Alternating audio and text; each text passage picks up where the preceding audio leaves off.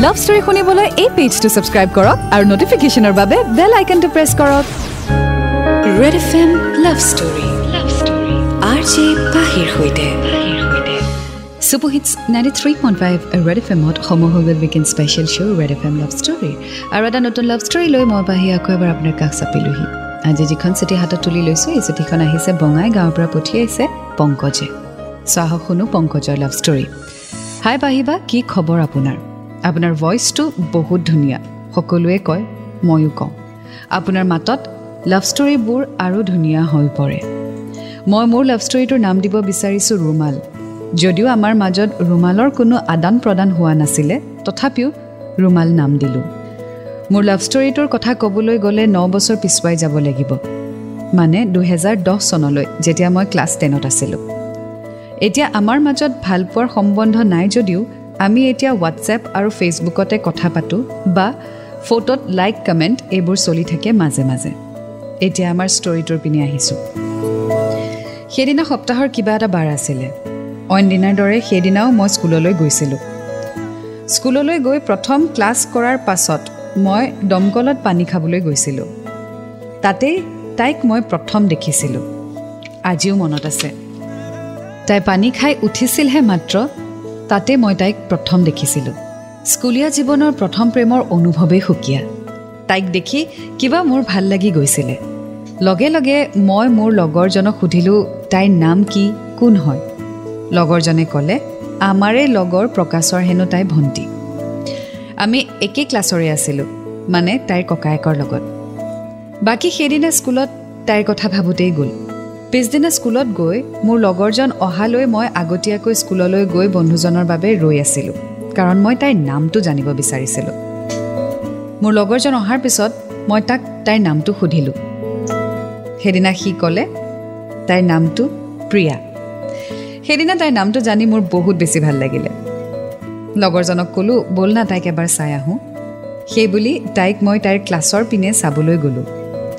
প্ৰিয়া ক্লাছৰ ছেকেণ্ড বেঞ্চত বহি আছিলে। তাই ক্লাছত ব্যস্ত আছিলে। মই যে তাইক চাবলৈ গৈছিলোঁ সেয়া প্ৰিয়াই কিন্তু গম পোৱা নাছিলে। সেইদিনা ঘৰত আহি গোটেই ৰাতি মই প্ৰিয়াৰ কথাকেই ভাবিলোঁ। চ' আজি আমি শুনি গৈ থাকিম পংকজ আৰু প্ৰিয়াৰ লাভ ষ্টৰী ৰুমাল।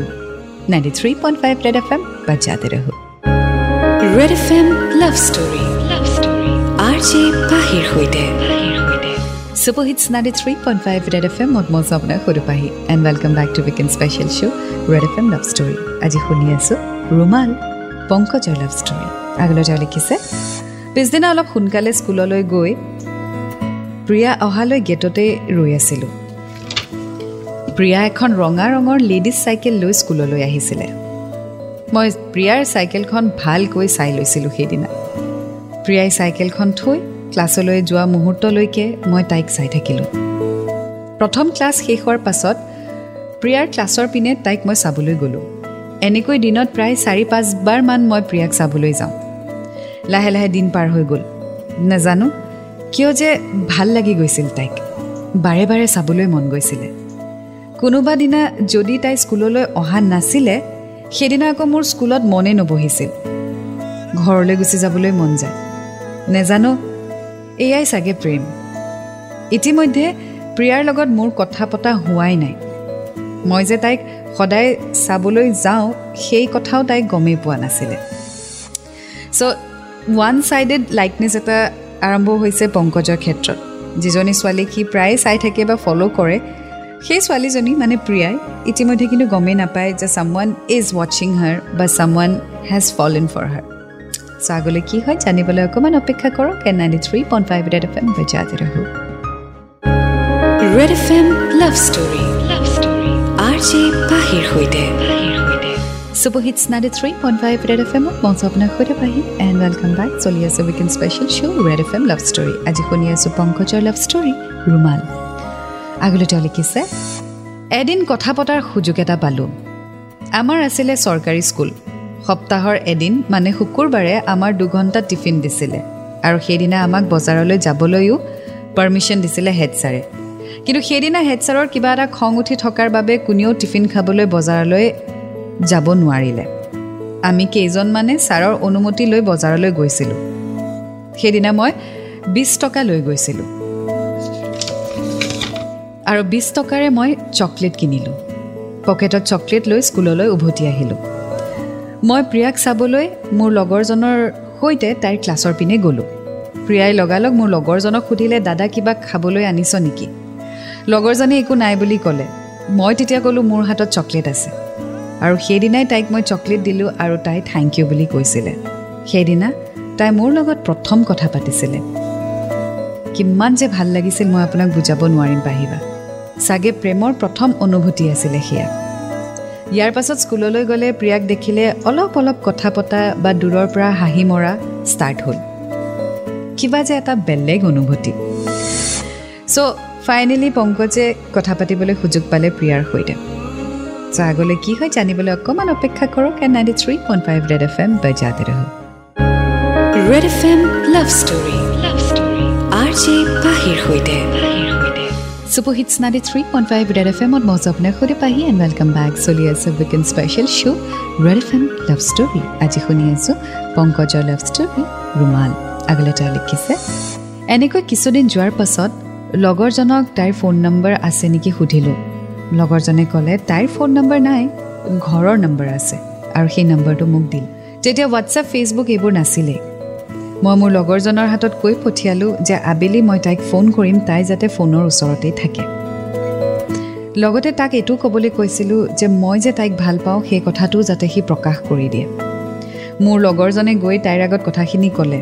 উভতি আহি সি মোক খালি এটা কথাই ক'লে যে মোৰ প্ৰপ'জেল তাইক দিয়াৰ পিছত তাই একো নক'লে খালি হাঁহিহে মাৰিলে।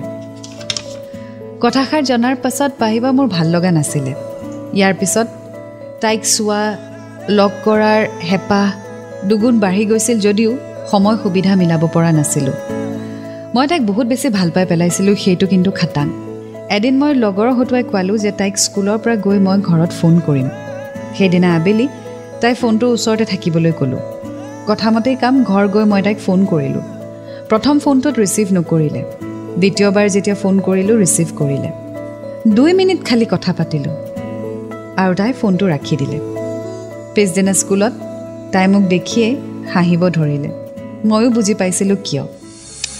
চ' পংকজে নিজৰ ফিলিংছ এক্সপ্ৰেছ কৰিলে অলদ' ডিৰেক্টলি নহয় ইনডাইৰেক্টলি মানে ফ্ৰেণ্ডৰ থ্ৰু দি তেওঁ নিজৰ মনৰ কথাখিনি প্ৰিয়াৰ আগত কোৱালে কিন্তু প্ৰিয়াই একো এতিয়ালৈকে উত্তৰ দিয়া নাই।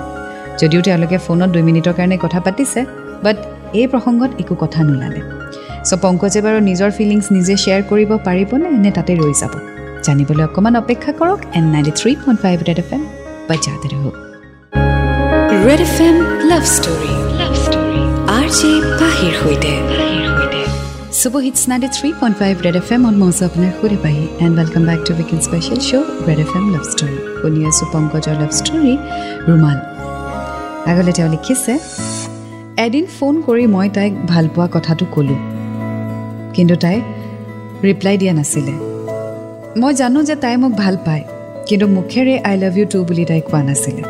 এনেকৈ স্কুলত যোৱাৰ হেঁপাহ দুগুণ বৃদ্ধি পাইছিলে মোৰ। তাইক দিনত এবাৰ নেদেখিলে থাকিব নোৱাৰা হৈছিলোঁ মই। কোনোবা দিন স্কুললৈ নাহিলে তাইৰ গাঁৱৰ পিনে এনেই গৈছিলোঁ কিজানিবা তাইক দেখাই পাওঁ বুলি। এনেকৈ দিনবোৰ গৈ আছিলে। মই ক্লাছ টেনত থকাৰ বাবে এফালে মেট্ৰিক পৰীক্ষাও আহি আছিলে। পঢ়া শুনাৰ প্ৰতি মনোযোগ একেবাৰে কমি আহিছিল। এইফালে ঘৰতো কথাটো গম পালে। ঘৰত বহুত গালিও খালোঁ। মোৰ ফোনটো মাহঁতে লৈ ল'লে। মাজে মাজে যি কথা পাতিছিলোঁ সেয়াও নাইকিয়া হৈ থাকিলে। প্ৰিয়াও স্কুললৈ কমকৈ অহা হ'ল ক্লাছ নোহোৱাৰ বাবে। মই কিবা তাইক নেদেখিলে থাকিব নোৱাৰা হৈছিলোঁ। স্কুলত নাহিলে আবেলিকে তাইৰ গাঁৱৰ পিনে ফুৰিবলৈ গৈছিলোঁ। কেতিয়াবা দেখিছিলোঁ কেতিয়াবা দেখা নাছিলোঁ। সেইবাবে তাইৰ এখন ফটো মই এখন দোকানৰ পৰা সংগ্ৰহ কৰিছিলোঁ য'ত তাই ফটো উঠিছিল। ৰঙা ৰঙৰ টপ পিন্ধা সৰু পাছপৰ্ট ছাইজৰ ফটো এখন। ফটোখন আনি ক'ত থ'ম ক'ত থ'ম বুলি ভাবি মোৰ ছাজেশ্যনখনৰ মাজতে ভৰাই থ'লোঁ কাৰণ ছাজেশ্যনখন ডাঙৰ আছিলে। এনেকৈ যেতিয়াই মনত পৰে তাইৰ ফটোখনকে চাইছিলোঁ। তাইক ইমানেই যে ভাল পাই পেলাইছিলোঁ মই গমেই পোৱা নাছিলোঁ। আমাৰ স্কুলত দুডাল কৃষ্ণচূড়াৰ গছ আছিলে। আৰু সেই কৃষ্ণচূড়াৰ গছৰ তলতে তাইৰ চাইকেলখন থৈছিলে। আৰু সেই কৃষ্ণচূড়াৰ গছৰ তলতেই স্কুলৰ দুপৰীয়া আমি মাজে মাজে দেখা কৰিছিলোঁ। কথা পাতোঁ হাঁহোঁ কেতিয়াবা স্কুল ছুটি হোৱাৰ পাছত লগ কৰোঁ। চ' কিছু ফন মেমৰিজ আছিলে স্কুলৰ আশে পাশে পংকজত বাট যিহেতু স্কুল এতিয়া বন্ধ বিকজ অফ মেট্ৰিক গতিকে কিছু মুহূৰ্ত কিছু মমেণ্টছ পংকজৰ মনত পৰি থাকে। আৰু সেয়া হয় যেতিয়া আপুনি কিছু স্পেচিয়েল মমেণ্টছ আপুনি ভালপোৱাজনৰ সৈতে স্পেণ্ড কৰে সেই মমেণ্টছবোৰ আপোনাৰ মনত পেলাই খুব ভাল লাগে। It brings a smile to your face automatically and those are fun memories so' সেই মমেণ্টছসমূহ সেই মেমৰিজসমূহ ট্ৰেজাৰ কৰি ৰাখিব। And ninety three point five red F M বজাতে red F M love story love story R J পাহিৰ সৈতে।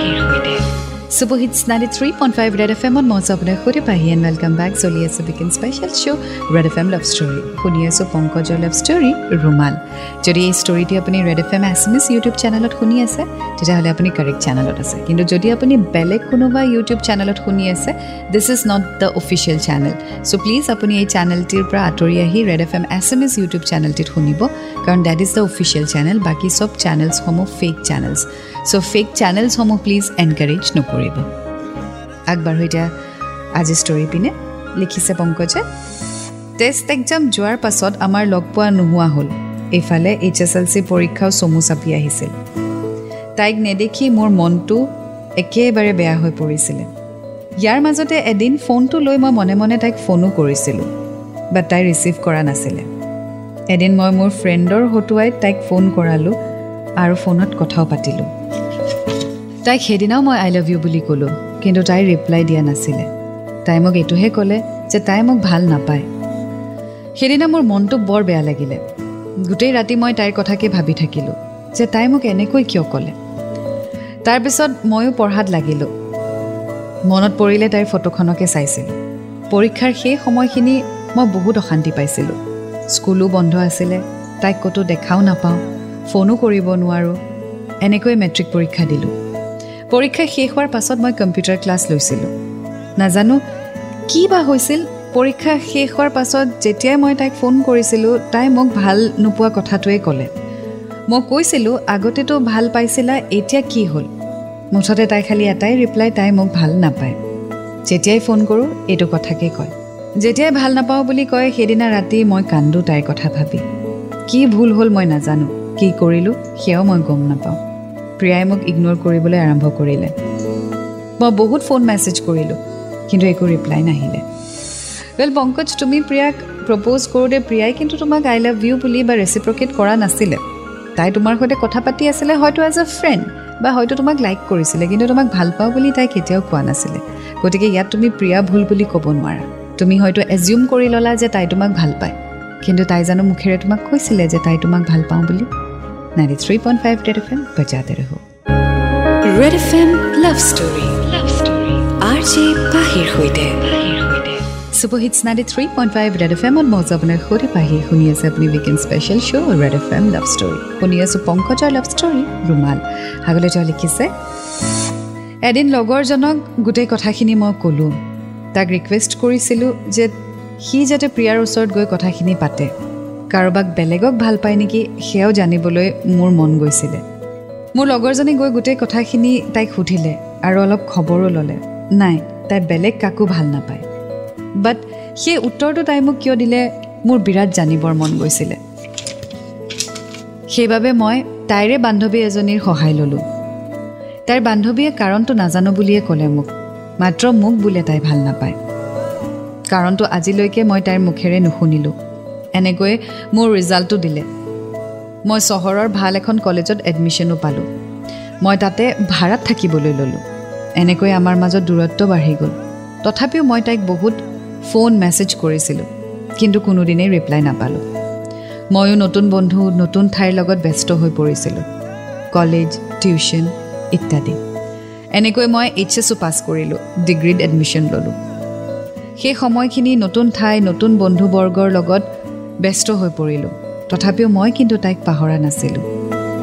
বাট আমাৰ মাজত কোনো কণ্টেক্ট নাছিলে।